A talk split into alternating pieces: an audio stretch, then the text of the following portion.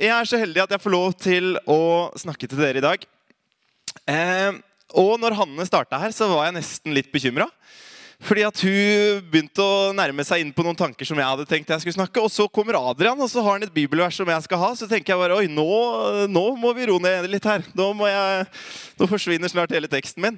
Men det er jo fint. Det er kjempefint. Jeg, det, jeg ble sånn veldig glad. Kjente på en sånn fred når jeg satt der nede at ok, da, nå er vi samstemte. Det her, det her tror jeg blir fint. Jeg har lyst til å starte med et bilde. Jeg vet ikke om det er så mange av dere som har gjort det her. Det er eh, rett og slett eh, terrengsykling. Jeg skal ikke skryte meg og si at jeg har gjort det så veldig ofte. Men eh, jeg gjorde det én gang for 13 år siden. Eh, vi var på en dommersamling, eh, og jeg hadde med meg mentoren min Tom Harald, som da elsker å sykle og elsker å være ute i skogen. Og elsker alle disse faremomentene som er i skogen når man sykler og står på. Så han klarte å lure meg. da. Jeg var jo ikke gamle, gamle kroppen, holdt jeg på å si. Så han klarte å lure med meg på en sykkeltur i Bergen i en fantastisk løype. Superbra løype. Var, eh, det var en sånn løype som er beregna til en time fra start til slutt, med kupert terreng og, og variasjoner.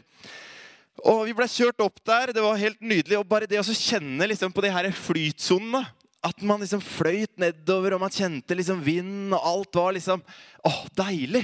Man mestra, liksom. Man kjente på at åh, det her er deilig.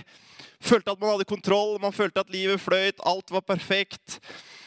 Ja, en fantastisk opplevelse, egentlig. Så hvis dere ikke har prøvd terrengsykling, så anbefaler jeg terrengsykling. Veldig kult.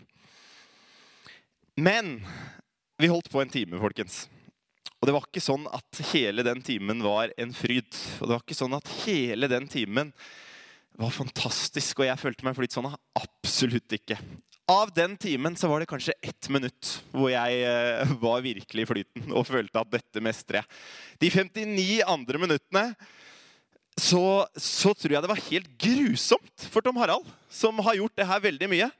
Han hørte bare 'Du tuller! Skal vi ned der, Tom Harald?' 'Det er altfor høyt! Det er altfor bratt!' Skal vi over den toppen der? Skal vi ned der? Altså, Jeg holdt sikkert på sånn i 50 minutter med noen mellomrom og noen pustepauser. Men det, jeg, jeg, når jeg tenker tilbake, det var mye klaging. altså. Mye syting og mye greier. Eh, og så kom jeg til en skrent, og så måtte jeg liksom gå ned. Og når du må gå av sykkelen og gå ned den skrenten, og så suser det folk forbi deg ikke sant? Du føler deg litt sånn liten. Du føler deg litt sånn ah, dette er ikke noe kult. Jeg er sikker på jeg var den eneste i løypa den dagen som faktisk gikk av sykkelen for å gå ned den skrenten. Eh, og det var absolutt ikke kult. Men jeg husker enda det ene minuttet når jeg var i flytsonen. Det var ganske gøy. Men så har jeg tenkt på det at jeg tror livet vårt kan være litt sånn innimellom. Jeg tror det kan være litt sånn som en uh, liten uh, tur på, på terrengsykkelen i, i skogen. Av og til så opplever vi det her fine med at vi er i flytsonen. Vi mestrer ting. Ting går fint. Livet går fint. Det går fint på jobben, det går fint i familien. Alt er liksom på stell. Og så plutselig så dukker det opp noe. Plutselig så kommer det noen steiner, det kommer noen trær, det kommer noen topper, det kommer et kupert terreng. Det kommer en eller annen busk som hekter seg fast i sykkelen, og så går du på trynet. ikke sant? Vi møter litt av det her innimellom. Her er det en pyramide. Ikke sikkert alle har sett den her før. Noen av dere har kanskje sett den. Det er Marslows behovspyramide. Dette er litt sånn som vi mennesker kan kjenne oss igjen i. Og i båndet her så har vi de fysiologiske behova som vi mennesker trenger for å overleve. Det er sult, tørste, søvn. Vi trenger mat, vi trenger vann eller drikke, vi trenger søvn osv. Dette er det som er på bunnen, det vi må ha for å overleve her. Så har vi på toppen Selvrealisering. Det er det personlige, det som på en måte er på toppen der. Når, når vi er der, så, så, er vi kanskje der hvor vi på en måte oppnår drømmene våre. Hvor vi, får, hvor vi mestrer. Ja, dette har vært min store drøm. Jeg kjenner at ah, endelig så lykkes jeg med det. Nå, nå, er jeg der jeg skal være. Våre menneskelige behov som på en måte Dette har jeg oppnådd. Dette, dette klarer jeg. Og da får man litt den følelsen at nå er jeg på plass. Nå er jeg på riktig sted. Nå er jeg her jeg skal være. Men hva skjer da når terrenget endrer seg litt? Når ting blir litt annerledes, når det dukker opp en situasjon, kanskje i familien eller på arbeidsplassen Når den skrenten dukker opp, eller når vi kommer litt ut av takt i livet våre, hvor er plassen vår da? Og overskriften min i dag, det er 'Finn din plass'. Og så er kanskje skal jeg vinkle det litt annerledes, et litt annerledes perspektiv enn det dere kanskje tenker med en gang man hører overskrifta 'Finn din plass'. Det å være på rett plass, det handler ikke om å være på toppen av den pyramiden her. Å mestre alt, få til alt. Få oppfylt alle drømmene sine, klare de utroligste ting. For jeg tror at uansett hva slags sted vi er på i livet, uavhengig av hvordan terrenget vårt ser ut, så tror jeg det går an å være på rett plass, folkens. Uansett hva slags situasjon jeg står i, uansett hvor lang den motbakken er, så tror jeg at akkurat i den perioden så kan det være din plass. Jeg kjenner jo ikke alle sin situasjon her inne. Noen av dere sitter kanskje og føler på at ting går egentlig greit. Jeg er litt i flytsonen. Har det egentlig ganske bra. Andre kjenner kanskje litt på det her kuperte terrenget. Det går litt opp og ned. Noen står kanskje i denne motbakken. Holder kanskje på dette av sykkelen. Holder på å gå av sykkelen og gå ned.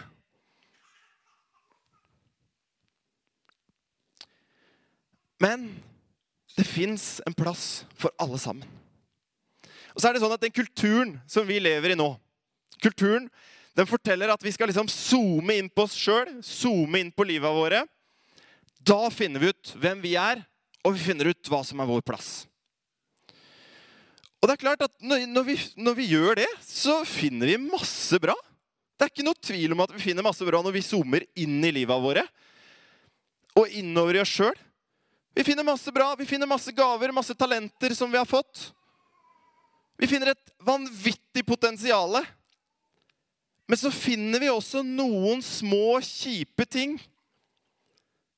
I hvert fall gjør jeg det. Jeg tror det er sånn for de fleste. Vi finner noen kjipe ting. Vi finner alle feila vi har gjort. Vi finner alt det som ligger tilbake der, som har skjedd for mange år siden. Som vi ikke har mestra.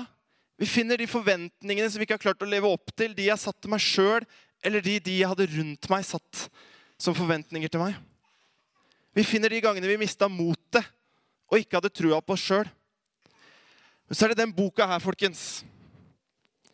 Den boka her den presenterer et helt annerledes perspektiv.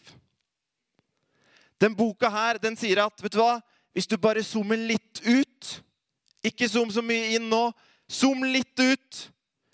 Zoom ut, så ser du din fortelling i lys av Guds store fortelling.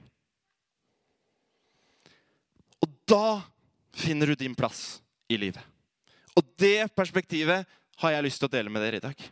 Jeg har lyst til at vi skal zoome litt ut. Skal vi se på hva Gud sier er din plass i livet. Filippebrevet. Filippebrevet kapittel 3. Altså, det her er et brev som Paulus skriver. Og det brevet her, det skriver han når han sitter i fengsel. Og jeg er veldig fornøyd med den bibelen her. For det her er en eh, bibel som alle våre tentroelever får. Eh, og den har noen sånne forklaringer foran. Det er det også flere bibler som har. Men her står det, her starter Filippebrevet med å skrive Det er en sånn innledning om kapittelet, og så står det 'Glade toner fra en fengselscelle'. Og det brevet her, det skriver jo da Paulus mens han sitter i fengsel. Og de omstendighetene hans da, de var ikke akkurat veldig bra. Han var ikke på toppen av den pyramiden vi så i stad. for å si det sånn. Han var nok på nederste, og kanskje han ikke fikk alt han trengte av mat og vann engang. Så han var liksom kanskje under den pyramiden. da. Men allikevel så kjenner vi det brevet her som gledesbrevet. Det står mye om glede i Filippe-brevet. Så tenker jeg, ok, hvorfor, hvorfor er Paulus så opptatt av å fortelle at vi skal være glade? Hvorfor er det brevet her opptatt av glede? Men så har Paulus fått tak i et eller annet. Han har fått tak i at det handler ikke om omstendigheten som han sitter i. Det handler om noe helt annet, som har opphav et helt annet sted. Og så skal vi lese fra Filipperne kapittel 3, vers 7-10. Men det som før var en vinning for meg, det regner jeg nå for Kristi skyld som tap. Jeg regner alt som tap fordi det å kjenne Kristus Jesus, min Herre, er så mye mer verdt. For hans, for hans skyld har jeg tapt alt, og alt jeg har tapt, regner jeg som verdiløst skrap. Bare jeg kan vinne Kristus og bli funnet i ham. Ikke med min egen rettferdighet, den som loven gir, men den rettferdigheten jeg får ved troen på Kristus. Det er rettferdigheten fra Gud, bygd på tro. Det viktigste for Paulus det var at han hadde et annet perspektiv. Det viktigste for han var ikke først og fremst det han kunne finne. Ikke hva han kunne finne i seg sjøl. Men det viktigste for Paulus det var at han var funnet i ham. Han var funnet i Gud. Det handler ikke først og fremst om hva vi klarer å finne, hva vi klarer å få til. Men det handler om at Gud, han har funnet oss, han. Gud, han har funnet oss. Vi trenger ikke å leite. For Paulus var det ikke så viktig hvor mange spektakulære opplevelser som han kunne poste på sosiale medier, som vi er så Kanskje ikke alle dere, da, men vi unge er litt opptatt av å poste ting på sosiale medier. På Instagram og, og Snapchat og Facebook. Og det, Paulus hadde jo ikke det, og det var kanskje like greit. Det, var, det tar mye tid, sant? Men Paulus han, han så ikke på omstendighetene. Han så ikke på at han skulle skinne med de talentene og gavene som Gud hadde gitt han. Det var ikke viktig for han. Det viktigste for han som vi leste her, det var at han var funnet av Gud. Han var funnet i ham. Den karen her Noen drar kanskje kjensel på han. Vi var på, på med noen av ungdommene og tentrokullet vårt. Så var meg og Johanne på eh, Get Focused forrige helg. Og da var denne karen her. Tor Håvik. Presten fra Bergen som har vært med på Farmen. Og noen av dere drar kanskje kjensel på han. Var med på Farmen. Um, og Tor Håvik han hadde som ungdom ett stort mål. Og jeg digger det målet han hadde, for å si det sånn, for det dreide seg om fotball. Og jeg elsker jo alt som har med fotball å gjøre. Han ønska å bli fotballproff. Han skulle spille på Arsenal. Ja, Der ville jeg ikke ha Yes, Jan Mikael. Det var feil lag, men det er greit. Han skulle bli fotballproff, og han skulle spille på Arsenal. Og han gikk all in for det her. Alt i hans liv, det dreide seg om å klare å nå den drømmen om å en gang spille fotball på høyest mulig nivå. Når Tor var 16 år, så fikk han problemer med begge knærne. Og han skjønte at nå ryker den drømmen min om å spille på Arsenal. Han måtte legge den store drømmen sin på hylla. Og så beskriver han det sjøl jeg har sett det i flere sammenhenger når jeg har hørt han snakke om det her. Han beskriver det som det aller mørkeste øyeblikket i livet hans. Da den største drømmen hans bare faller rett ned. Og han gikk lenge, mange uker, flere måneder, hvor ting rett og slett bare Altså, det var tomt. Det var tungt, og det var tomt. Det var vanskelig. Og så forteller han én dag som var spesielt tøff og vanskelig. Hvor han liksom kjenner på hva nå? Altså, Dette var det jeg skulle. Dette var min plass i livet. Min plass i livet, det var å spille fotball for Arsenal. Det var min drøm. Og så sitter han på rommet sitt en dag, og så bestemmer han seg for å prøve at jeg skal be. Og så har jo Tor Håvik, som han sier, han har sett på film at når man ber, så bøyer man kne. Det har han sett på film og TV. Så han bøyer kne på rommet sitt ved senga, og så ber han en enkel bønn som lyder følgende Jesus, unnskyld for at jeg har gått min egen vei. Hvis du fins, så ønsker jeg å gå 100% for deg. Og så beskriver Tor Håvik det her i etterkant som en enorm opplevelse en enorm han, han føler det som han blir fylt av en sånn kjærlighet. Han opplevde at han ble sett av Gud. Han opplevde at han ble funnet av Gud. Gud så Tor Håvik. Og det endra retningen på livet hans. Fra å miste det helt og bare gå helt i svart når ikke livet blei sånn som han ville, så endra plutselig livet sitt. Han endra livet sitt, han endra retningen. Han fikk en følelse av du vet hva, det er et større bilde her som jeg har blitt plassert inn i. Det fins en Gud som har funnet meg. Han har aldri vært borte. Og Paulus han skriver litt mer. Han har skrevet flere brev. Han har skrivet, skriver litt mer i Efeserbrevet, kapittel 1, vers 4-6. I Kristus utvalgte han oss før verdens grunnvoll ble lagt, til å stå for hans ansikt, hellige og uten feil. I kjærlighet og etter sin egen gode vilje avgjorde han på forhånd at vi skulle få rett til å være hans barn ved Jesus Kristus, til lov og pris for hans herlighet og nåde, som han overøste oss med i ham som, som han elsker så høyt. I han så finner vi sannheten om oss sjøl. Sannheten om hvem Gud er, sannheten om verden. Og det mest verdifulle vi kan oppdage, det er at vi er funnet av Han. Og så er det mange ting som jeg drømmer om å gjøre. Det er mange ting som jeg har lyst til å gjøre. Jeg har lyst til å dømme VM-finalen en eller annen dag. Det er et mål jeg har der framme. Jeg er ikke sikkert jeg klarer å oppnå det, men det er min drøm. Det er mitt mål. Det er det jeg jobber for hver eneste dag når jeg trener, når jeg går ut på fotballbanen. Det er mitt drøm. Det er min mål. Og dere som sitter her, har helt sikkert noen drømmer, noen mål, noen tanker med livet. At det her har jeg lyst til å oppnå. Det her har jeg lyst til å få til. Og så trenger vi ikke å sette de her tinga opp mot hverandre. Vi trenger ikke å sette det å være og det å gjøre opp mot hverandre. For jeg er lidenskapelig opptatt av å gjøre av mange ting. jeg. Så lenge jeg på en måte har en kropp og en kapasitet som får til det. altså Hverdagen min går ikke alltid rundt. Det er veldig hektisk noen ganger fordi at jeg skal gjøre så veldig mye. Så jeg har lyst til å ta med én lærdom fra Paulus. Noe som jeg ikke har lyst til å gjøre. Og det er å bygge min identitet og min forståelse på hvem jeg er. Jeg har ikke lyst til at det skal bygges på hva jeg gjør og hva jeg mestrer, hva jeg får til. Det handler ikke om hvor jeg er i livet. Det handler ikke om hvor jeg er i den sykkelløypa.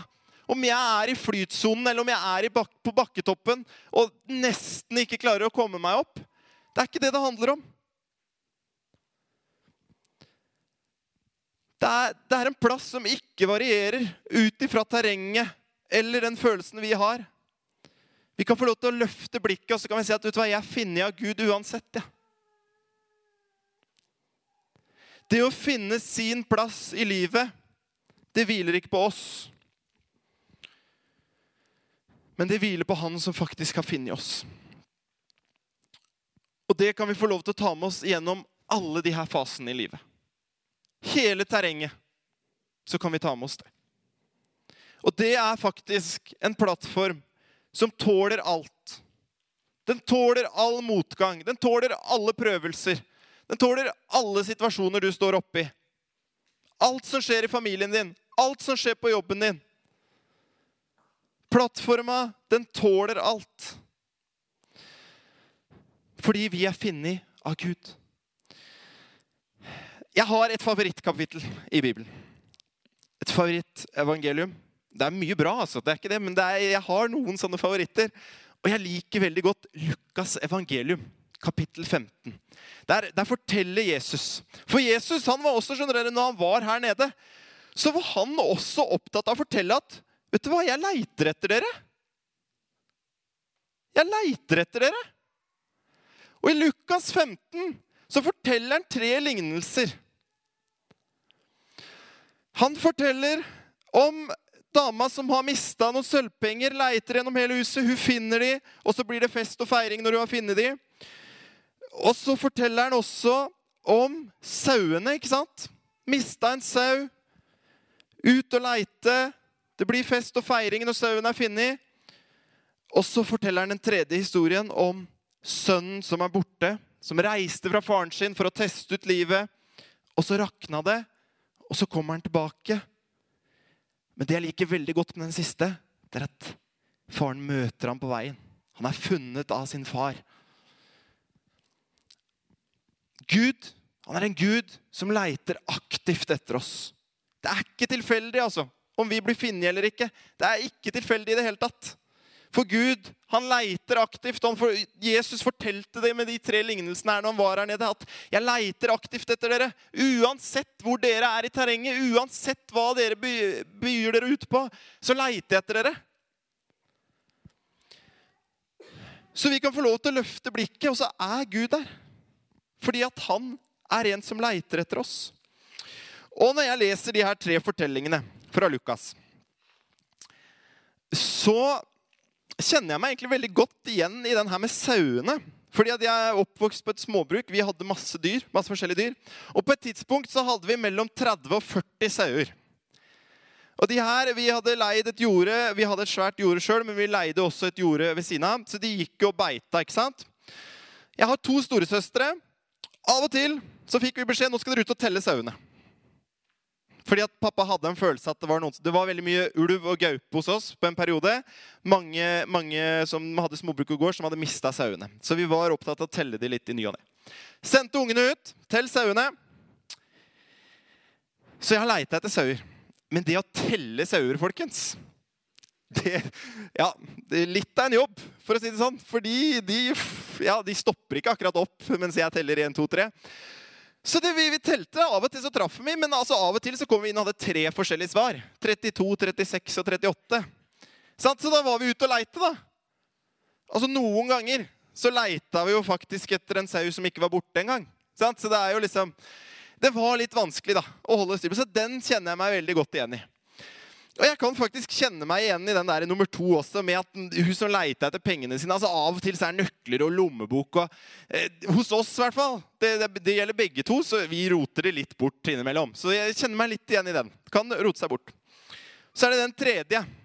Jeg har jo fått en sønn. Plutselig så er han rundt i nabolaget. ikke sant? Skal besøke alle venner sikkert om noen år. Kanskje jeg leiter etter han nå, så står jeg plutselig og kjenner meg igjen i alle historiene. Og det er en annen ting, da som min sønn kommer til å bli fantastisk glad i. Ikke fordi jeg er veldig glad i det, men fordi han har en mor som er ekstremt glad i puslespill.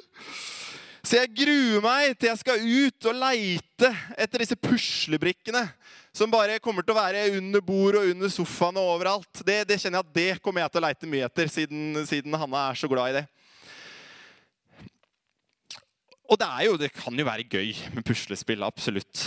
Eh, helt sikkert for de som er interessert i det. Og eh, Luke Isak har ikke blitt så stor ennå at han har begynt å pusle. Så jeg hadde ikke noe puslespill hjemme. Så, men heldigvis, Jan Mikael hadde et puslespill til meg. Så det, det, var helt supert at han kunne ta med det.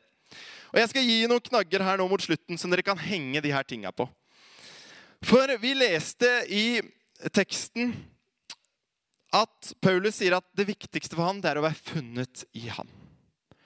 Litt videre i teksten så står det ikke med min egen rettferdighet, den som loven gir, men den rettferdigheten jeg får ved troen på Kristus. Det er rettferdighet fra Gud bygd på tro. Det Paulus sier, er først og fremst at det er noe som er gitt oss. Det er ikke noe vi skaper eller noe vi får til, men det er noe som er gitt oss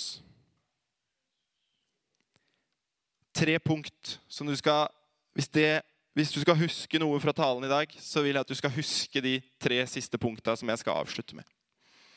Du er gitt en spesiell plass i skaperverket.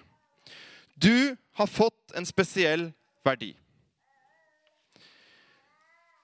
Hvis vi ser på den treklossen her, puslespillet, så er det kanskje ikke så veldig mye verdi i akkurat den brikken her i selve trekrossen.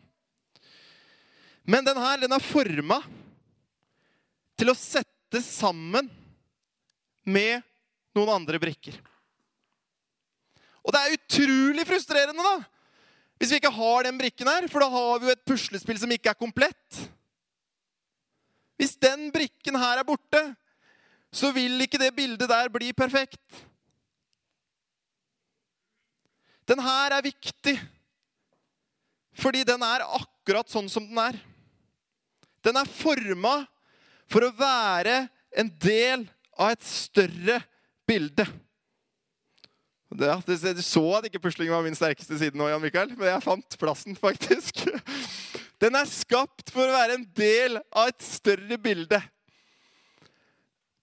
Og som mennesker så er jo vi skapt i Guds bilde. Vi er forma. Vi er forma for å være en del av hans skaperverk. Og det som gir oss vår verdi, det er at det er han som har skapt oss. I Salme 139, den var Adrian inne på her under barnevelsignelsen, den kommer ikke på skjerm. Der står det i vers 13 For det er du som hadde mine nyrer i eie. Du vevde meg sammen i min mors liv. Jeg vil prise deg, for ved frykt i Fryktinngytende gjerninger er jeg blitt et underverk. Underfulle er dine gjerninger, og min sjel vet det så vel. Mine bein var ikke gjemt for deg da jeg ble dannet i, ditt, i det skjulte og kunstferdig knyttet sammen i mors liv. Når vi zoomer inn på oss sjøl, så er det begrensa hva vi klarer å finne her inne. Men når vi zoomer ut, ser på det store bildet, så ser vi en større verdi. Punkt nummer to. Du er gitt en spesiell plass i kirka. Hvis du ser på den puslebrikka her, så har den noen farger. Den har noen streker, noen konturer, som er unike. Som vi kan sette sammen.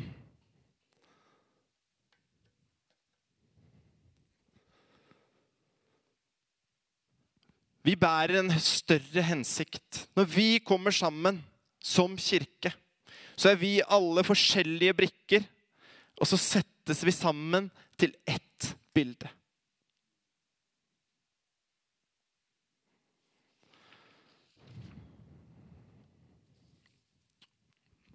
Her kommer det en fyr. Kanskje ikke så mange av dere som drar kjensel på den. Han var med i et TV-program som het Kompani Lauritzen. Carl Martin Eggesbø. Eh, han var med, og det er én ting som jeg la merke til midtveis i sesongen. Så sier han i et intervju Jeg kom inn her og trodde at det handlet om å være en ener. Men her er det ikke godt nok. Her handler det om å være gode sammen. Og Når jeg tenker på det Carl Martin sa der, så høres det ut som han snakker om kirka. Det handler ikke om å være enere. Det handler ikke om å ha de største gavene, de største talentene, det å stå her framme, det å lede møtet. Men det handler om at vi sammen som kirke Vi er gode sammen fordi vi alle er én brikke i Guds bilde.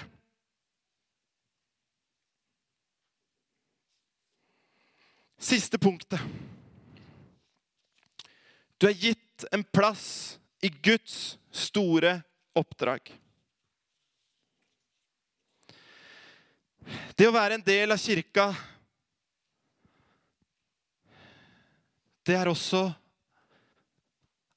Har vi fått et oppdrag? Vi har fått en plass i Guds store oppdrag.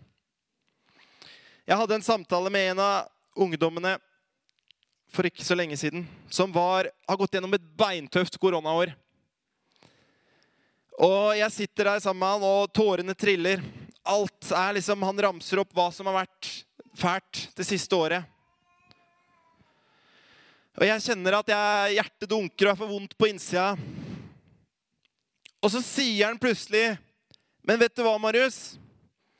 Hvis jeg skal se tilbake på den tida her så ser jeg faktisk at jeg har betydd noe for familien min.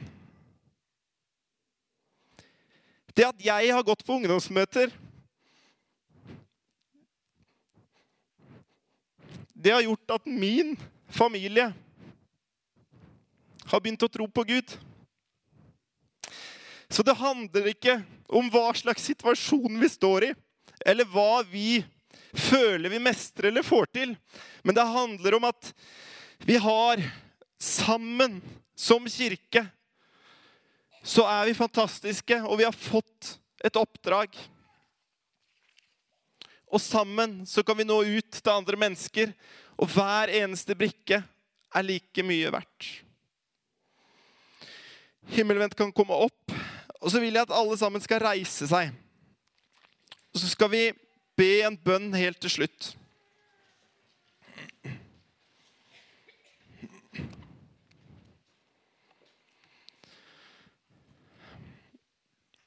Tenk om vi nå det året som Vi er snart i et nytt år. Tenk om vi kunne ha litt mindre fokus på hva vi klarer å mestre, hva vi klarer å få til, hvor vi er i løypa, men faktisk ha fokus på at vi er funnet i ham. Vi som kirke, sammen, så er vi sterke. Vi er unike. Når vi settes sammen til en kirke, så settes vi sammen i hans bilde. Jesus, jeg takker deg for at du ser oss alle sammen. Takker deg for at du har sett oss. Du har skapt oss. Takker deg for at å være på rett plass i livet, det handler først og fremst om å finne oss selv, finne i deg. Takker deg for at i deg så er det ikke forbeholdt noen enere eller noen som er i flytsonen. Men vi kan alle få lov til å være hos deg. Og jeg ber for alle som står her. Jeg ber for at du skal vise oss hva som er gitt til oss. Vis oss den plassen du har gitt oss. Og så har jeg spesielt lyst til å be for den som kjenner at man er på vei inn i et nytt terreng. Som er litt usikker på hvordan ting ser ut rundt deg, og usikker på fremtida. Jeg ber om at de skal få lov til å oppleve i den nye sesongen at de først og fremst er sett av deg, at du er med dem uansett. Ber om at vi skal få være en kirke som er mennesker som er funnet av deg, og som ikke består av noen som prøver å få ting til. Men vi er et fellesskap funnet av deg. Du gjør oss gode sammen fordi du har skapt oss i ditt bilde. Ber om din hjelp og visdom for oss alle. Amen.